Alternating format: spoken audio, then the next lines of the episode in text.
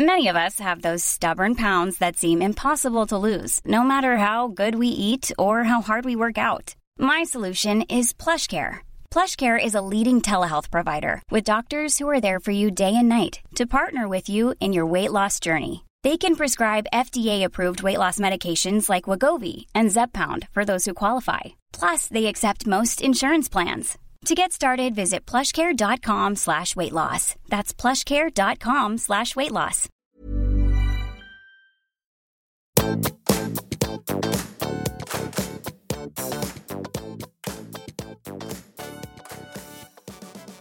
Hei, alle sammen, og velkommen til podkasten Karriereveiledning med Elaine.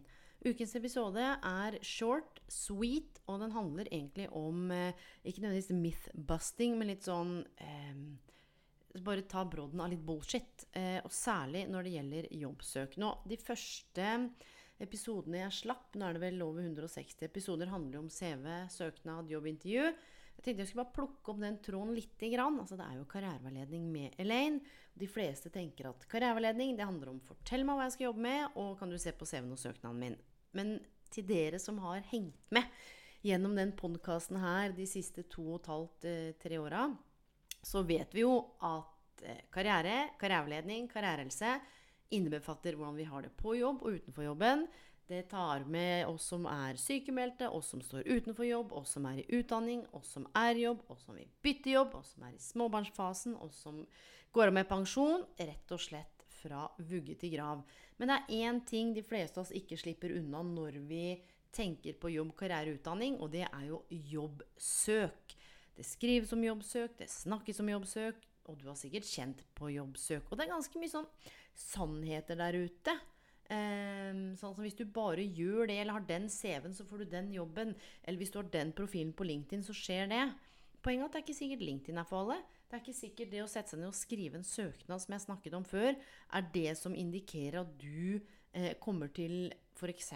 å være den beste kandidaten fordi du er dritgod på å skrive og klarer å få fram kompetansen din. Kanskje det er noen som virkelig passer rett i den jobben, men som sliter med å formulere ned i et dokument hvem de er, hva de kan, og hva de vil. Så denne her skal handle om et par sannheter um, som jeg i hvert fall tenker man må ta med en klype salt. Jeg skal ikke gå så langt som å kalle det bullshit, for det er jo veldig sånn upedagogisk og uakademisk. Men så er det jo litt sånn at vi som, um, vi som er i karrierehelse, karriereveiledningsverden her inne i podkasten min, um, vi er litt sånn nedpå. Det fins masse fete akademiske ord, masse strategier og sånn fancy greier. Men til syvende og sist, hvis vi liksom alle tar av oss rustningen, så lurer vi på er jeg verdt å elske. Passer jeg inn? Hører jeg til? Har jeg nok mening? Er jeg godt likt? Du veit alle de tingene der. De fleste kjenner på en poster syndrom. Så hvis vi skal bare ta bort titler og status og du veit så jeg sier ikke at vi alle er like, fordi vi er selvfølgelig kjempeforskjellige, men vi har en del av de samme driverne og lengter etter en del av det samme. Det er to ting jeg særlig har lyst til å påpeke når det gjelder jobbsøk, som er sånn relativt nytt. Og det ene er Artificial Intelligence in Recruitment, altså AI.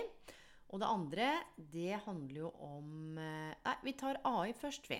Fordi um, er det én ting som er viktig her, så er det jo det at ja, Eh, AI viser jo at den kan være med på å redusere biasen. F.eks. at den kan jevne ut kvinner og menn basert på da kompetanse, egenskaper, CV, søknad, altså alle disse tingene her. At det fins egne algoritmer for screeningprosesser. Kjempebra. Helt superviktig, fordi det er jo vært forsket på at vi har en tendens til å velge de som er litt sånn like oss sjøl i rekrutteringsprosessen.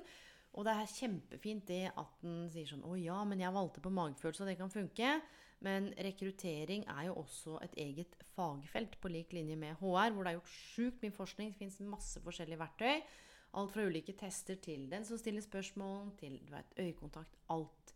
Det jeg har lyst til å si når det gjelder dette her, det er om du skråstrek blir ikke utsatt for, men opplever at det er en automatisk prosess, så er det kjempeviktig at du reflekterer over om det selskapet er transparent overfor deg, om hvordan de f.eks. har samla data om deg. Da.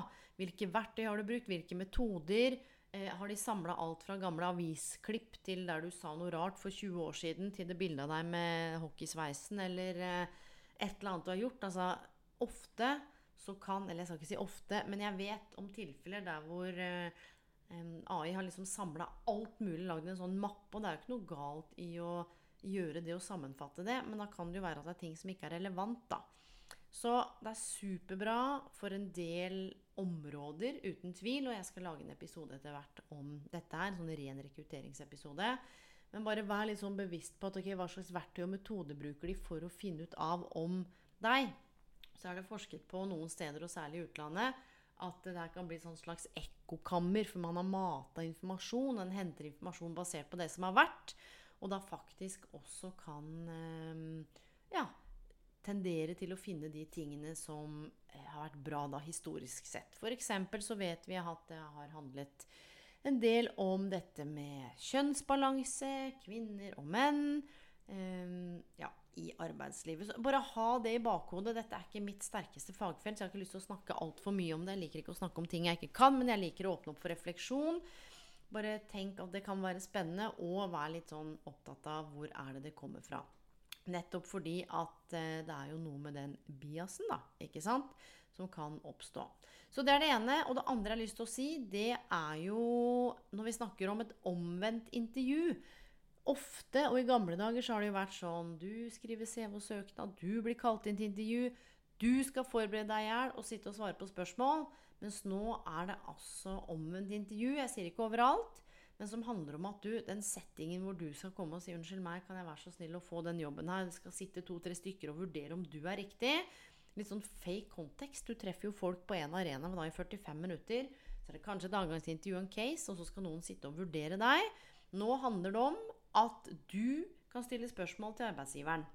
Og jeg sier ikke at det er lett eller vanskelig. Jeg bare sier at eh, det er ganske så spennende, for da må en jo tenke seg nøye om hva som kan være lurt å spørre arbeidsgiveren om. Sånn at husk at arbeidsgiveren også de finner ganske mye ut om deg basert på spørsmål du stiller, så her kan det være viktig å gjøre litt research. Så det jeg har lyst til å si, er at veldig ofte så hører jeg sånn Ja, men man må gi arbeidsgiverne det de spør etter. Så tenker jeg sånn ehm, Noe av det jeg er opptatt av, det handler om at du skal kunne komme på det jobbintervjuet eller ta de testene og være den du er litt sånn ta tilbake makta. Fordi det har vært en asymmetri altfor lenge og i altfor mange år. Hvor det handla om CV og søknad og det å kunne komme gjennom nåløyet. Du, vet du hva? Det er mange måter å vise at man er en god arbeidsgiver på. Og da handler det om nå at det begynner å bli en mer sånn likevekt i relasjon mellom arbeidsgiver og arbeidstaker. Det er ikke sånn at arbeidsgivere skal få alt det de spør om. Jeg har jo kommet eh, og vært i møte med sjukt mange kandidater som har fått intervjuspørsmål som har vært langt utafor det som er relevant. Spørsmål om økonomi, spørsmål om eh, religion, om seksualitet, om de røyker, om de planlegger graviditet, sånne ting som ikke er lov. Det er også lagd en episode om. Så det å være litt nysgjerrig hvis du får noen av de spørsmålene på um, Jeg er litt nysgjerrig hva som gjør at du stiller meg de spørsmålene. Det handler om at du går inn der og veit at du har noe å tilby arbeidsgiveren. At du skal like mye tenke på om dette er et sted du har lyst til å være. Nettopp fordi dere skal være likeverdige inn i den relasjonen. Det er det ene jeg har lyst til å si. Nå var det dette med AI omvendt intervju. Og så er det å, Jeg leser hele tiden sånn Fremstå som du har kontroll. Vær forberedt. Forbered deg. Ja, selvfølgelig er det viktig å kanskje lese gjennom dokumentene dine, ha reflektert over motivasjonen din, ha med deg nødvendige papirer. Det jeg ikke er så fan av, det er sånn fake it to make it. Du, det der å gå inn på falske premisser, måtte ta på deg den der forbanna rustningen, late som du er en du ikke er, sitte og smile, snakke om 'ja, mine sterke sider'. Nei, noen ganger da Ja, du, sånn derre tøys. Du, det handler om å komme dit og koble på hodet og hjertet og tenke sånn er dette en jobb hvor jeg kan trives med arbeidsoppgavene, med kollegaene, med visjonen, med verdiene? Hvordan er arbeidsoppgavene og arbeidsgiveren, altså selve selskapet, strategisk plassert i verden? Holder de på med ting jeg er opptatt av? Og så er det viktig du, Hvordan kan du fremstå som du har full kontroll være forberedt når ikke du veit eventuelt hva som kommer i andre enden? Og om det så kommer spørsmål i andre enden, og det sitter et menneske der, så er det jo en dialog. Men noen ganger så må du spille inn eh, spørsmål på forhånd via video, Du, og da er det jo noe med å bare tenke at nå skal du gå inn og gjøre det som er godt nok. Og det er så skittig råd. Bare vær deg selv. Gjør det som er godt nok. Men hvordan veit man hva som er godt nok? Det er jo ikke noe målestokk på det. Så det handler her om å akseptere at så lenge du kjenner på at du har gjort det du kan, så er det ikke noe mer du kan gjøre. Og hvis noen ikke velger deg, så handler jo ikke nødvendigvis det om deg. Hvis du har gjort det du kan. Det handler jo om at den andre eller de andre har jo et annet bilde av hva de er ute etter. Men som jeg har sagt før, vi knytter ofte noe emosjonelt opp mot det å ikke bli valgt. Så tenker vi 'herregud, hva er det som er gærent med meg'? Så vit det, da. Ja, vær forberedt på de tingene du kan forberede deg på i en jobbsøkerprosess. Men husk også hva er det du kan kontrollere, og hva er det du må slippe. For å drive og jage etter de tingene du ikke kan kontrollere Du blir sliten av det, du blir stressa av det. Du kommer aldri til å komme i mål. Ta et ark, del i to. Hva har jeg kontroll over i jobbsøkerprosessen? Hva har jeg ikke kontroll over? Ok? Så her tenker jeg at dette er kjempeviktig. At du kan gå inn der og være den du er. Det betyr ikke at du trenger å dra med deg alle de utviklingsområdene dine og si at du er sjukt rotete hjemme. Eh, jobbe med å forbedre kostholdet mitt, men det syns jeg er vanskelig. Husk at du skal gå inn der, og så er du på et intervju eller skriver en søknad. Da må du ha den jobbrollen i panna. Så det å bare forberede deg godt, det har mye å si. Samtidig så vil du være i en kontekst som vi ofte ikke tenker på, og det er der all kommunikasjon foregår i den konteksten. Så kanskje du har trent på spørsmålene, psyka deg opp. Hør nå, det kan være at det skjer noe dagen før. Det kan være at intervjueren har hatt en dårlig dag, eh, og så blir påvirka av det. Så igjen, dette med å slippe kontrollen og prøve å øve på å være mest mulig oppi ditt eget hode. Reflektere over svarene dine mer enn å tenke på hva alle andre tenker om deg i et eventuelt menneskeintervju. Da. Men også i et intervju via Teams, hvis du skal spille en video, så er jo kroppsspråk ganske relevant. Og tenk deg det, dere. For langt, langt, langt tilbake Det er faktisk en serie på Netflix som heter Cave of Bones, hvor de har funnet homo naledi. Altså funnet en sånn art som de mener ikke liksom er Homo sapiens, men som er en slags del av menneskefamilien som var opptatt av å høre til, som hadde ritualer for å begrave de de var glad i, som rett og slett hadde en som leda seremoniene, om de var i sorg eller Det var i hvert fall noe der med fellesskap og tilhørighet. Og de mener da, og dette her, hvis ikke jeg husker feil, er sånn 200 000-300 000 år siden, så det er sånn wow! Du, at ikke de hadde språk, men de kommuniserte bare gjennom kroppen.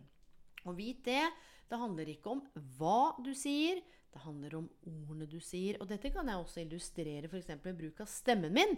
Hvis jeg hadde sagt sånn her Jeg syns det er så sjukt inspirerende å lage alle disse podkastepisodene. Sitte og ja, ta imot tilbakemeldinger, reflektere over hva du som lytter Hva er det du ønsker deg? For det er jo kjempeviktig. Og ja, jeg syns det er dritkult å bruke min dyrebare tid på å lage en podkast. Eh, mm. Hører du forskjellen? Du, det handler ikke om ordene bare, det handler om hvordan det leveres.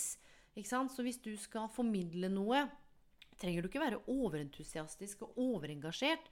Hør nå, vi trenger introverte, vi trenger ekstroverte, vi trenger ambiverte. Men det handler om å reflektere over hvordan du formidler budskapet med stemmen din og med kroppen din. Og det neste jeg har lyst til å si, det handler om forventninger. Fordi mange har så sjukt mye høye krav og forventninger til seg sjøl.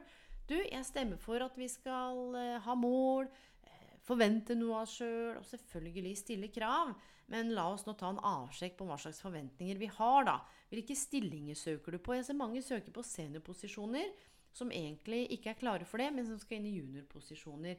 Jeg ser mange sliter med å lese stillingsinstrukser f.eks. ordentlig godt for å forstå hva er det bedriften eh, spør etter. Så en øvelse kan jo være å skrive ned hva er det du faktisk forventer av deg sjøl i en jobbsøkerprosess, i et intervju. Hva forventer du av CV-en og søknaden din? Eh, hva forventer du av andre? Du, det kan også være lurt, da hvis det er noe du lurer på, det er noen forventninger du trenger å få avklart, ta en telefonsamtale hvis det er noe du lurer på, før du setter i gang. Fordi ubehandla forventninger og uuttalte forventninger skaper sjukt mye støy og påvirker den indre dialogen vår, hva vi går og forteller om oss selv. Så en annen ting som er sykt viktig, som er mye mer på trappene nå enn bare hva det var for 10-15 år siden, det handler om hull i CV-en. Og dette har jeg snakka om mange ganger. Livet skjer. De fleste av oss har et eller annet hull som nå kalles gull. Du, og etter å ha jobba med det her i 15 år, så handler det om å sette ord på hva det hullet dreier seg om. Hva er det du har lært? Mange kjenner på skam over at de har vært sykemeldt. Psykisk helse, muskel- og skjelettplager, småbarnslivet, mestra ikke jobben, takla ikke. Du, og da trenger du ikke skrive 'var sykemeldt i to år fordi jeg hadde massiv angst', eller fordi jeg sleit med dårlig søvn og var fødselsdeprimert, eller fordi jeg var i konflikter på jobben. Du, det trenger ikke folk vite. Det du kan skrive, var, var en periode i livet eh, hvor jeg kjente at jeg gikk på akkord med verdiene mine og tok noen bevisste valg for å komme på rett kurs igjen. Det jeg lærte, er prikk, prikk, prikk. Du, og det kan være viktige karrierekompetanser inn i den jobben du skal inn i. Selvrespekt. Evnen til å stoppe opp, reflektere, ta de valgene som er riktige og viktige for deg. Sant? Men veldig ofte så skammer vi oss og prøver å pynte over hullene, eller vi bare hvelver ut alt sammen. Så vit det, da. Istedenfor at det står blankt i CV-en din, eller at du gruer deg til intervjuet, f.eks., hvor noen kommer til å si Så hva gjorde du fra 2017 til 2019? Du, ta tyren ved hornet og bare vite at du skal eie dette narrativet. Så kan du si ja, men hva hvis det ringer en referanse? Da sier hun hun var masse sykemeldt. Ja, da adresserer du det i intervjuet. Og sier du det var en periode det var ganske tøft, hadde mye migrene, eller igjen, det var småbarnsperioden, eller hva som skjedde. Det jeg lærte, var Og jeg har kommet meg ut av det. Med mindre det er hvor du er 50% ufør, eller du er eh, i gradert sykemelding, så er det jo viktig at det kommer fram. Sånn at ikke du sitter og sier sånn Ja, flott, da kan du bare hoppe rett inn i 100% jobb. Da så er det sånn «Eh, Jeg glemte å si noen ting, jeg. Jeg kan bare jobbe 30 Ikke sant? Da må en vite om en skal koble på HR, Nav, fastlege, eh, inkluderende arbeidsliv, altså bedrifter som jobber med Altså IA-bedrifter. Så det er en litt annen greie igjen, men bare husk det. The truth will come around på en eller annen måte. Og det er ikke noe ålreit å begynne en jobb hvis du kjenner på massiv angst uten å ha sagt ifra. Men du trenger ikke si 'jeg kjenner på massiv angst', jeg vet ikke om jeg kommer til å komme meg på jobben. Så her handler det om å eie narrativet sitt og tenke hvordan vil det spille seg ut. da. Men ofte så tenker vi jo det verste, og det er jo det som er litt av trøbbelet. Men andre er sånn 'Å ja, men du, vi har jo flere her som har stått i det, eller som har kjent på det'.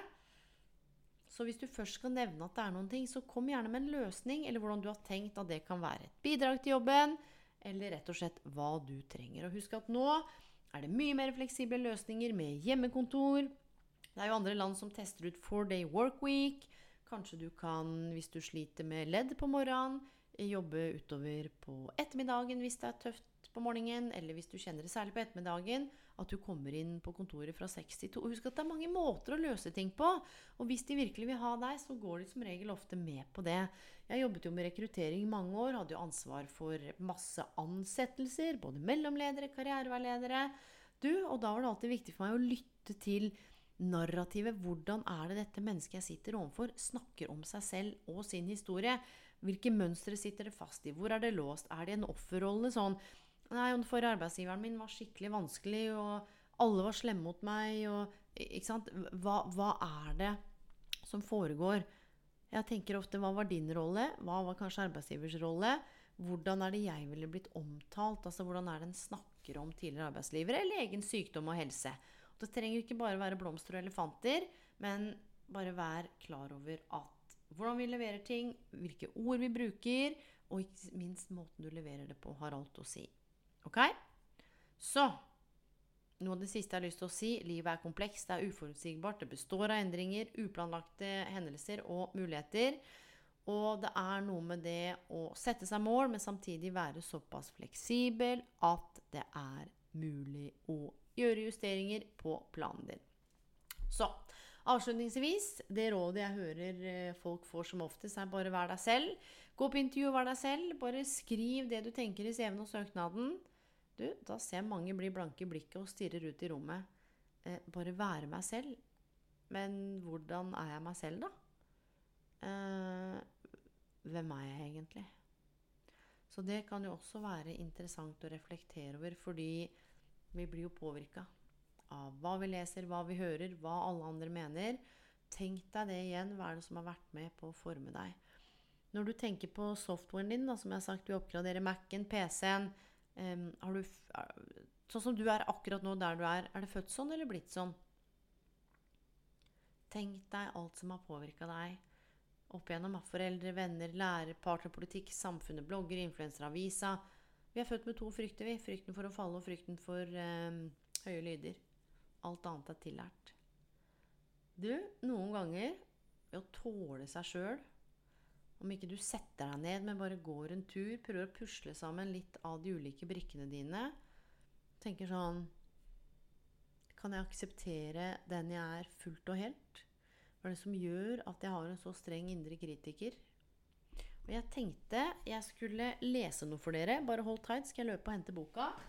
Da kan dere høre at jeg tasser i leiligheten min.